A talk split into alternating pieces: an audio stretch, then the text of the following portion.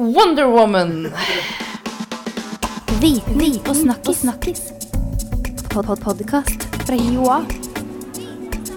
Viten og snakkis. Karina Karlsen, velkommen skal du være. Takk, takk. Jeg har gleda meg, og så har jeg grua meg litt til denne episoden her.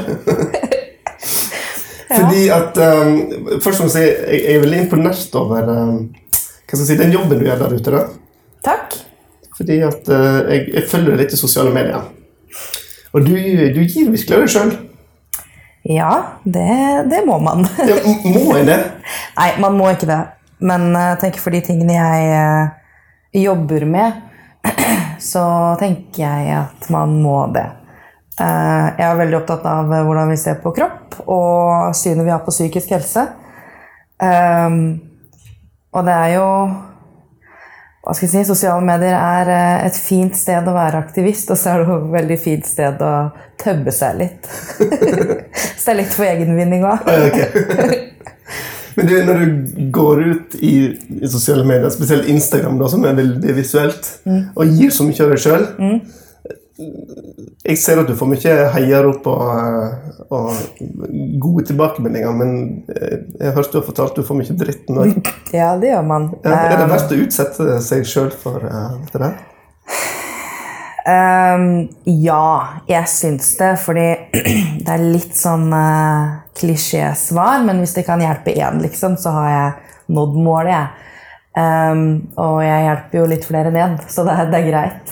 Og så tenker jeg de som Altså De som sender meg eh, hets, da, hvis man kan si det sånn, det går veldig ofte på at du er tjukk, du er stygg, jeg vil ikke ligge med deg. Å oh, nei, så synd. uh, og så er litt der at uh, hva Jens Gunnar i Alta mener om meg, det er ikke mitt problem. Nei. Eh, litt verre er det når folk sender meg draps- og voldtektstrusler og sånn. Um, men nå har jeg etter hvert Nå har jeg holdt på med det her noen år og blitt eh, såkalt voksen. Eh, så jeg tenker at jeg kan se forbi det og tenke herregud, har du virkelig ikke bedre å gjøre? Eh, min bekymring er jo at disse menneskene mest sannsynlig gjør det til andre også. Um, som kanskje ikke tar det like godt. Eh, så det syns jeg er skremmende. Ja, for som du sier, du er jo voksen. Ja. har litt livserfaring og, og kan sikkert bygge opp noen murer, men hvis dette her er hvis dette er sånn tonen skal være for de kanskje yngre og yngre jentene som uh, prøver seg ut på, så er det jo ikke helt uh, Nei, nei. så jeg, jeg tar de jo. Jeg publiserer jo ofte de verste, og uh, bare sånn oppfører vi oss faktisk ikke i sosiale medier. Blir sånn tante. Men vi ser jo um, eh, Vi ser jo tilfeller av det her med ungdom som tar sitt eget liv fordi at de blir hetsa i sosiale medier. Eh, så tenker jeg at vi har alle et ansvar, da eh, å ta det når det kommer, og ikke bare glatte over det. Hvilket er veldig lett å gjøre. At man bare åh, enda en. Liksom. Ok, men Karina, vi må presentere litt mer her, eh, annet enn at du eh, gir av deg sjøl i sosiale medier. Ja. Du, eh, du, er, du har vært student, og du er fortsatt student her. Du har en bachelorgrad som vernepleier. Yes! Yes. For de som er litt sånn usikre på vernepleierens rolle i helsevesenet, kan ikke du gi oss en sånn superkort introduksjon? Eh, ja, vi er helsevesenets potet, tenker jeg. Um, vernepleie er en helse- og sosialfaglig utdanning, uh, så jeg syns vi har uh, litt av alt. Det er mange som misforstår og er litt sånn Å, kom du ikke inn på sykepleien, du, da? Eller Men herregud, du kunne jo tatt opp noe fag, liksom. Kunne blitt noe annet. Men nei, vernepleiere er verdens beste studie. Vi jobber med tilrettelegging. Eh, Og kan egentlig jobbe hvor som helst hvor folk har behov for tilrettelegging. Eh, Så du må ha god kontroll på hva som skjer rundt deg, sånn at du hele tiden eh, kan dra inn andre. Man er liksom en team player. Og på Oslo OsloMet er det også veldig mye fokus på atferdsanalyse. Som er litt mer kartlegging av atferd og redusering av såkalt problematferd. Som hvis man jobber i bolig og eh, eksempel f.eks. At man kan redusere det. Så det er veldig spennende. Nettopp. Men du, du, det var ikke godt nok med en bachelor for deg, altså? Du Nei. måtte videre. Nå tar du en master Yes! i Det er en, master i empowerment og helsefremmende arbeid. Hvilket var veldig naturlig, fordi i vernepleien så er man veldig opptatt av empowerment, hvilket er å gi enkeltindividet muligheten til å bestemme selv. Ehm, det kan være, det kan være liksom alt mulig rart, fra å bestemme hva du skal ha på brødskiva, til de litt større valgene her i livet, da. Um, så, så ja. Det, jeg er veldig glad for den masteren. Mm. og det som er sånn kult med deg, da, er at du er ikke ferdig ennå med masteren. og Likevel er du en ekspert og blir brukt som en ekspert eh, ute på ulike temaer. Som, altså Vi var inne på kropp og, og det du kaller kroppspositivisme. Jeg kan komme tilbake til det. Men, men eh, du engasjerer deg òg masse i seksuell helse. Ja. Og da må du liksom begynne med, hva, hva legger du i seksuell helse? For at sånn, Med en gang du kaster opp det der sexbegrepet, så tror jeg det ramler ned en god del stereotypiske ideer hos oss uh, rundt der. Men, men fra ditt ståsted, hva, hva er seksuell helse? Eh, Seksuell helse er eh, grunnleggende. Det handler om eh, kropp, identitet, følelser, grensesetting. Det er veldig, veldig stort. Um, ja, jeg, jeg tenker at det er en veldig viktig del av folkehelsa, rett og slett. Som man glemmer, og kanskje ikke tør å snakke om, nettopp fordi det du sa. At man tenker at nå er det liksom hanky-panky. Det er det vi skal snakke om. Det kan, nei, det passer ikke inn her. Nei. Ja. Men, men forklar litt mer om det helsebegrepet, altså folkehelse. Hvorfor er det seksuell, seksuell helse viktig i den sammenhengen? Altså, de, eh, alle mennesker har eller annen, et eller annet forhold til seksualitet. Uh, uansett om man er aseksuell, også så har man et forhold til seksualitet. Um, og så Når det gjelder folkehelse, så tenker jeg at uh, hvis ikke du er trygg på kroppen din, f.eks., så kan jo det gå utover psykisk helse. Du kan, det kan jo også gå utover den fysiske. Hvis du er usikker på din egen identitet. Samme. Eh, så det, det er så mye større enn eh, dette med å skulle stikke noe inn i noen, da. Du har jo annet skrevet i Dagsavisen en sånn kronikk om, om undervisningsdelen her, som du er litt sånn s- småkritisk til. Men så er du jo med å undervise sjøl òg. Hva er det som er Er det et problem? Hva er problemet med eh, seksualundervisningen? Altså, vi har, øh, vi har På vernepleien så hadde vi to timer frivillig seksualundervisning. øh, og det kom ikke så mange på den, fordi man tenker at ikke det er viktig. Men si som vernepleier, da, øh, som f.eks. skal jobbe i bolig, så støter man jo på dette her med at mennesker med utviklingshemming ofte ikke for å ha noen seksualitet. Det blir en veldig, sånn, det blir en veldig stigma. Du er et menneske, men vi snakker ikke om den seksuelle helsen. Vi ser ikke det helhetlige bildet. Eh, Og ofte hvis man har en seksuell atferd, så blir det stempla som problematferd som må reduseres. Um, og det kan være at vedkommende onanerer på rommet, liksom, og noen har gått inn og sett det. Å, herregud, problematferd. Og så tenker jeg onani er liksom det mest naturlige. Det er litt som å stalke noen på Facebook. Det bare skjer. liksom. Det handler, jo, ja, det handler om å se det helhetlige bildet. Det handler om hvordan man eh, snakker om kjønn, f.eks. At vi har et veldig sånn heteronormativt språk. Og da er det noe med å bli møtt i helsevesenet og ikke nødvendigvis bli referert til som han eller hun hvis du er en hen. Det er, så, det er sånne små grep som vi ikke hører om. Um, satt oss opp noen plansjer for uh, sykepleien um, hvor det sto om bivirkninger det var psykisk helse og bivirkninger av medisiner, og så står det seksuelle dysfunksjoner. Hva er det? Og hvis du kommer øh, Hvis ikke det er noe åpenhet for å snakke om det, da, og du kommer og har eh, si ereksjonsproblemer, eller du mangler lyst, eller i det hele tatt Og føler at det er ikke noe helsevesenet tar opp med deg, og så er det kanskje kjempeviktig for deg, men du føler at det er kleint og vanskelig å snakke om, og så tør man ikke snakke om det. Og så blir det et mye større problem enn det det trenger å være. Det blir, jeg føler at det blir ikke lagt til rette for, og det blir ikke forklart godt nok. Det blir en sånn egen ting vi ikke trenger å snakke om eh, i denne boksen med seksuell, seksuelle dysfunksjoner. Da. Men, men det er jo er ikke vi i den situasjonen at det er kleint fra begge sider? altså fra si, pasienten sin side kleint å ta opp, og så på andre sida fra den profesjonen, om helseprofesjon så er det kleint å ta det opp andre veggen, og så sitter en der og se på hverandre. Mm, men er det ikke da vi som helsepersonell må ta på oss den profesjonelle hatten, tenker jeg. Eh, Jeg har hatt litt diskusjoner med det der om du må ha et avklart forhold til din egen seksualitet for å kunne snakke om seksuell helse. Eh, og jeg skjønner de som mener det. Samtidig så tenker jeg nei, vet du hva. Du kan være usikker og du kan lure på hvem du er i det hele tatt, men når du er i, eh, altså når du er i jobb, så er du i jobb. Eh, og det å snakke om seksuell helse Du snakker ikke om din egen. Det tror jeg er liksom sånn første bud for den som skal undervise i seksualundervisning. Snakker du om f.eks. analsex, så er det ikke, du trenger ikke snakke om at du enten liker det eller ikke liker det, har prøvd det eller ikke prøvd. Det handler ikke om deg. Det handler om pasienten. Så mm, når du òg nå er da med å, undervise og, og, og å, og har mening om hvordan en undervisning skal foregå for helsepersonell, hva vil du legge vekt på da? Hvor, skal en begynne? her? Jeg eh, er veldig fan av noe som heter eh, Plissit-modellen, som jeg ikke husker hvem som lagde. Men eh, det, er en, det er en undervisningsmodell innen seksuell helse. Og da P står for, for, for permission granted. Og det handler rett og slett om å tilrettelegge. Man kan f.eks. spørre eh, om det er noe ekstra man lurer på, eller altså bare sånn sniki-sniki. Legge til rette, rett og slett. Um, og så er det LI, som står for Limited Information.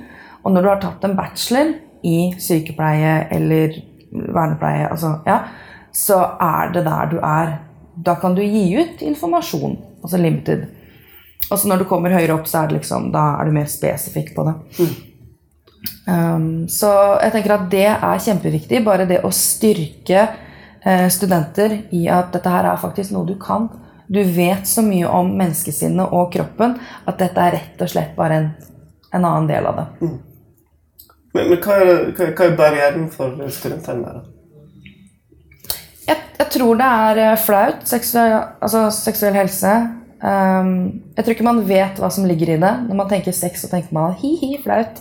Og så er det litt sånn Det er lettere å fortelle kleine sexhistorier på fest liksom, enn det er å fortelle hvordan du faktisk har det. Um, husk, altså, jeg husker jo fra tidligere, jeg òg. Man drar liksom en runkevits, men å sitte og faktisk snakke om onani, det blir sånn Herregud! Det kan man ikke gjøre. Men hjelp altså, Litt tilbake på deg som kanskje, samfunnsdebattene som, som gir mye av det sjøl og forteller mye eh, egne historier. Er, er det en måte å, eh, å hjelpe på? Den, ha den åpenheten, eller kan det hende at noen blir mer lukka inne? Tenker du det i forhold til seksuell helse? Ja, kropp og, og seksuell helse. Eh, Jeg tror at det skaper eh, mer åpenhet, og om noen tenker 'herregud', så eh, tenker jeg at uansett om du er provosert eller ikke, så at du sikkert sitter og tenker litt over hvorfor du blir provosert. tenker Det er det viktigste her. Eller hvorfor du tenker at dette er kjempebra. Um, og så har jeg også ja, Jeg har jo hatt en Instagram-konto noen år, jeg har blogga og vært helt Ja. Eh, og fått mye tilbakemeldinger av folk som nå tør å oppsøke Spiseforstyrrelsesforeningen f.eks. Eller tør å oppsøke hjelp på en eller annen måte. Um, I det siste så har jeg skrevet en del om uh, psykisk helse, fordi jeg uh, har hatt et år med depresjon og litt sånn. Um, og da har det også skapt en ny arena, og folk som Herregud, ja, det er jo dette her som feiler meg også. Og så oppsøker de hjelp. Så da er man jo litt tilbake på dette her med at har man hjelpa én, så, så gjør det godt, da. Men, eh, men klart, det kan jo være tøft innimellom. Jeg skriver jo om veldig mye personlig. Så jeg har liksom kryssa den der personlige, personlig, ikke private greia for lengst. Um, men det er litt sånn selvrenselse. Og så Jeg tenker at man opprettholdes jo av at man får positive tilbakemeldinger. Hadde jeg bare fått dritt, så jeg kanskje hadde liksom følt meg litt mer Litt mindre. Men, eh, men jeg tror det, dette her med at det hjelper andre. Men, men det med åpenhet, er det nøkkelen for å også lykkes i det arbeidet rundt seksuell helse? Altså, ja, jeg tror det. Men uh, nå er det sånn med denne åpenheten når man er i en undervisningssituasjon, så er det litt tilbake til det her at man- man skal ikke snakke om sin egen seksuell, sine egne seksuelle erfaringer. Det er det ingen som har bruk for å vite. Derfor de går på Instagram. um, men, uh, men du kan jo fortsatt være en litt sånn nedpå Være litt mer personlig da, når du underviser. Hvis de blir veldig sånn um, hva skal jeg si, veldig sånn klinisk statisk, så, så tror jeg ikke det er like lett å ta inn over seg. Da blir det et sånt skille. Mm, så jeg tror kanskje at det er et av de fagene du må være litt kompis med studentene da, for å få de til å ja. Og så er jeg veldig fan av dette her med mye refleksjon. Eh, en venninne vi hadde Vi var kurslærere for, um, um, for sykepleierstudenter som skulle ut i praksis og ha seksuell helse. De skulle undervise videregående skole, og det var i regi av Røde Kors. Um, og de var livredde. Vi hadde ti studenter. De var, de var så stressa og visste ikke hvordan det her skulle gå. Eh, så vi hadde de i fire dager. Og eh, det ble jo ikke sånn som de hadde trodd. Vi snakka mye om presentasjonsteknikker. Vi hadde masse refleksjon. Eh, Vi snakka om hvordan man snakker om kjønn. Um, og når de gikk ut, de som ble igjen Det var noen som bare Sorry, det her går ikke. Men um, de som ble igjen, de sa jo i ettertid at de følte de hadde bare fått en gavepakke. De var så mye tryggere på seg selv også, som sykepleiere nå. eh, og gleda seg til de skulle begynne å jobbe og liksom kunne faktisk være den sykepleieren som tok litt tak akkurat på det. Vi må snakke litt om, om eh, et annet tema som, som, som du òg Jeg skjønner at du reiser land og sånn rundt og snakker om, og det er begrepet kroppspositivisme. Yes! Eh, hva hva er det? Kroppspositivisme? Eh, veldig kort forklart så tenker jeg at det handler om å ha en psykisk god helse knytta til eget selvbilde. Eh, ja, rett og slett. Det handler om den psykiske helsa di og hvilket syn du har på din egen kropp. Hvorfor er det så populært å invitere Karina på besøk for å holde foredrag om eh, kroppspositivisme? er det ikke åpenbart? Nei, du, jeg er um, eh, veldig hva skal jeg si, ydmyk på akkurat det. Jeg skjønner ikke sjøl. um, Hva er det folk vil høre når de inviterer deg for å fortelle? Ja, altså Det jeg snakker om, er jo det her og egne opplevelser. Eh, Jeg snakker litt om eh, reklame, hvordan det påvirker oss.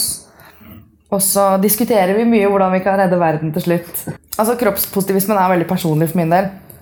Jeg fikk jo en spiseforstyrrelse da jeg var 15, og den holdt jo på til jeg ble eh, ja, 26. Ja. Så for meg er det jo veldig, det jo veldig viktig å få dette ut. Eh, også fra å gå til at det var veldig personlig, så har jeg nå klart å bygge på med litt faglig, takket være utdanningene mine. Ehm, så ja, nei. Eh, jeg tror akkurat det der med at det er litt personlig, er det som er styrken i dette foredraget. Hvis ikke så hadde jeg bare stått og snakka om sånn kan det være, sånn kan det være, men sånn har det vært for meg. Så jeg har ikke noe fasitsvar. Og det er jeg også veldig opptatt av. Eh, min historie er bare min historie. Den, det er for så vidt fint hvis noen andre kan relatere og tenke ok, da Ja. Men, eh, men jeg er jo ikke ekspert. Nei, jeg kan, jeg tror folk kan Du er enig med deg i det? Men, eh, Kanskje begynner det å bli det litt på, på denne kroppsaktivismen. Men eh, jeg har jo fortsatt ikke vel, Altså, jeg har ingen kompetanse til å kunne eh, friskmelde folk, for å si det sånn. Da. Altså, jeg er jo ingen terapeut. Og jeg får jo mye tilbakemeldinger fra folk. Hvordan gjør jeg dette? Hvordan kan jeg? ikke sant? Eh, så jeg er veldig nøye med at jeg kan ikke sitte og veilede noen via sosiale medier. Det har jeg ikke kompetanse til.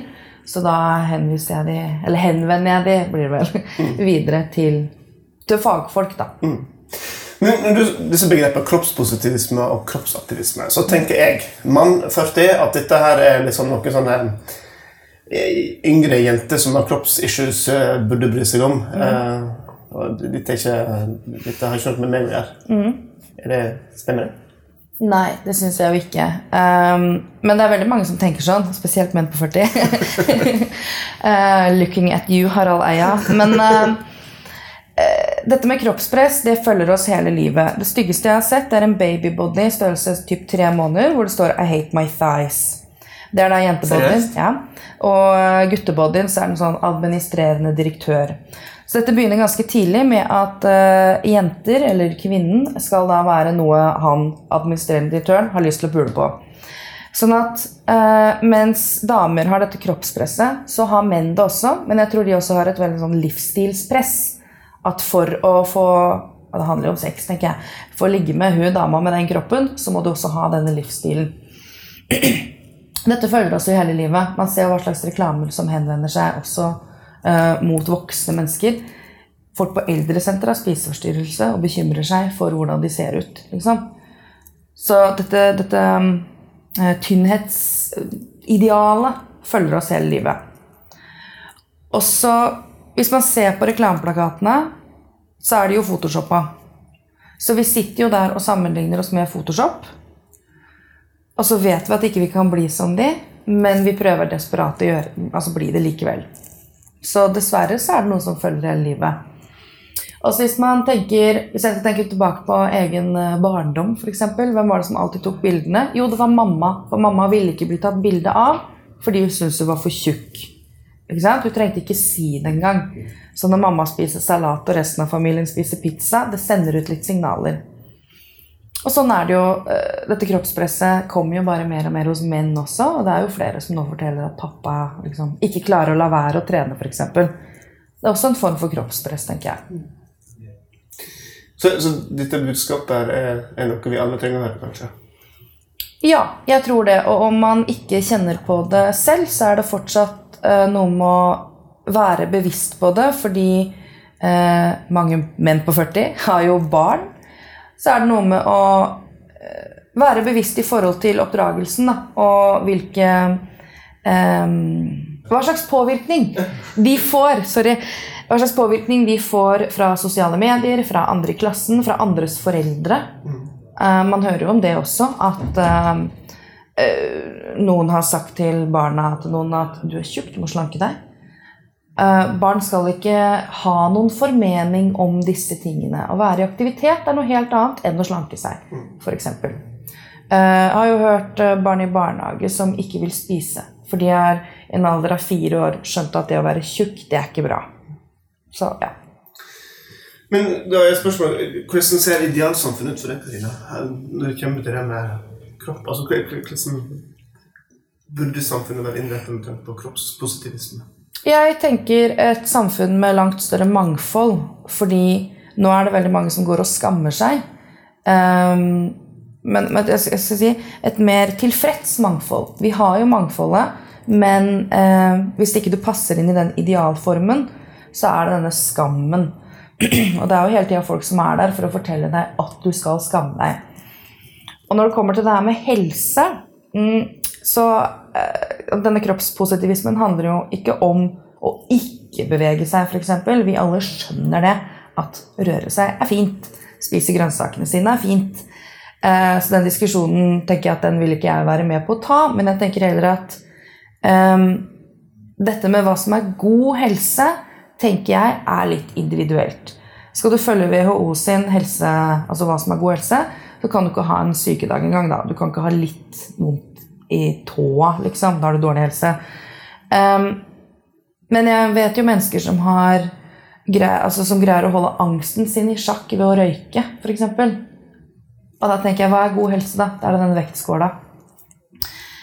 Og så er det jo veldig mange dette her med skam. Veldig mange som er eh, flinke til å fortelle meg at eh, jeg har ikke god helse, jeg må slanke meg. Til og med fått en gang at jeg burde få en spiseforstyrrelse så jeg ble sunn.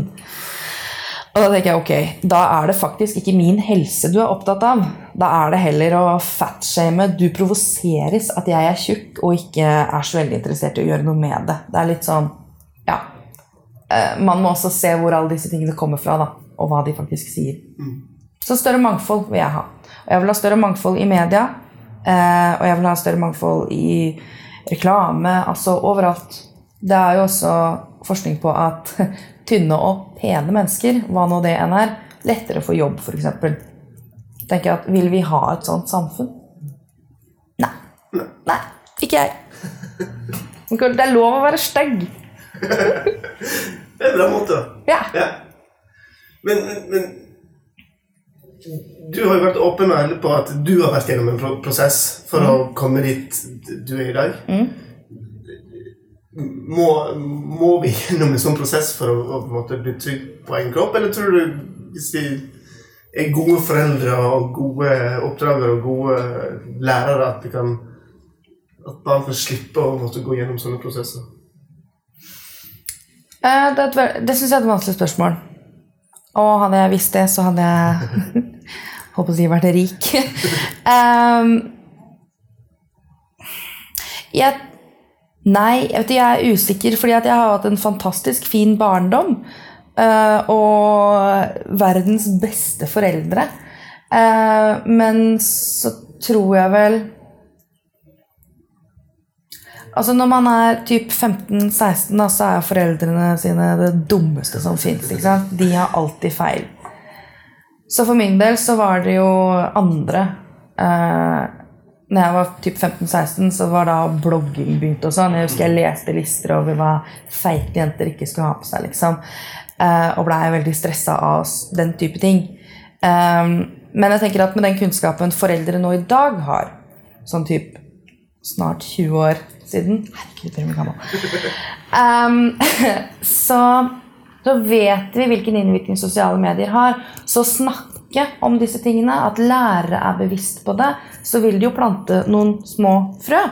Og kanskje er ikke det viktig eller riktig for en 16-åring, men kanskje når vedkommende blir 19, så er man litt sånn Hei, dette kjenner jeg igjen.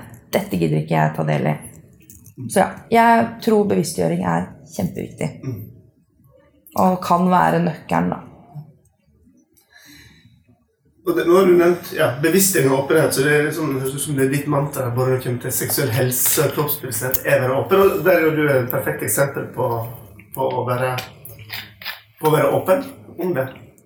Ja. Så flere som kan være åpne, kan kanskje være noe som hjelper. Jeg tror det.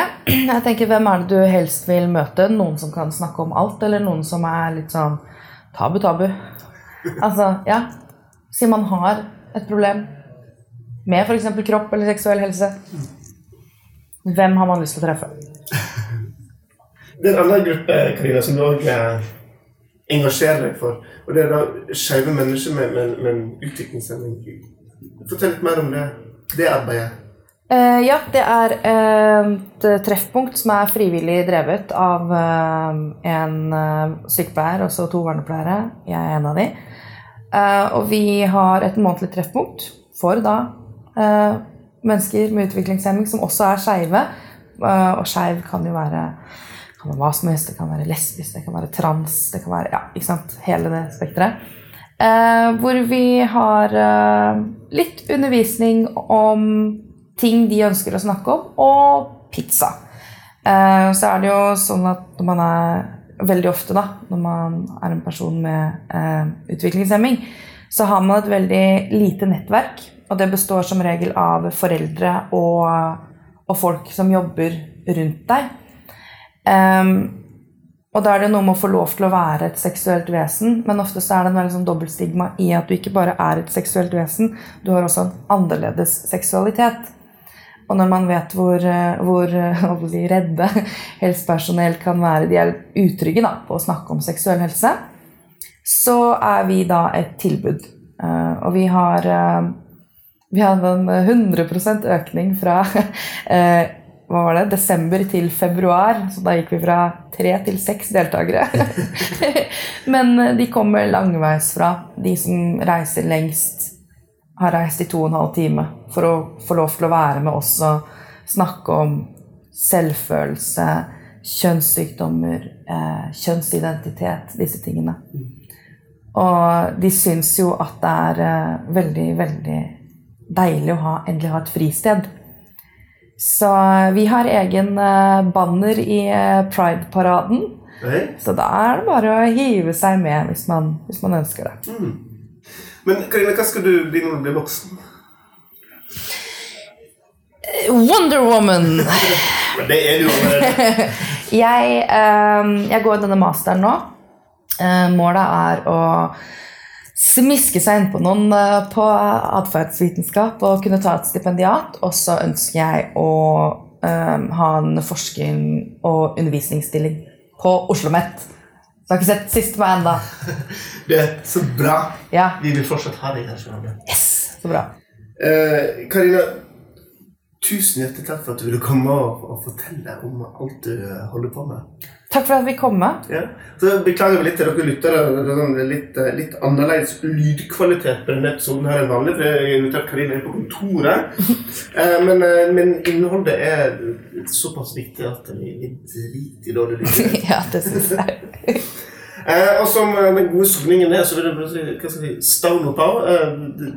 fortsett det gode, det gode arbeidet og åpenhet rundt disse viktige temaene her. Eh, og til deg, som hører på, så, så anbefaler jeg virkelig å følge med Karina i ulike sosiale medier og i hei henne fram i det, viktige arbeidet. Takk. Vær så god. Og så lykke til videre med masteren, og så uh, Jo, takk. Snakkes vi igjen uh, veldig snart. det gjør vi. Og til dere som hørte på, tusen hjertelig takk for at du gjorde det. Eh, Du er selvsagt velkommen til å laste eller abonnere på denne podkasten. For da kommer neste episode rett ned i podkast-appen din. skjønner du. Da ønsker vi deg en god videre fredag. Viten og snakkis. snakkis. Pod -pod Podkast fra Joa. Viten og snakkis. snakkis.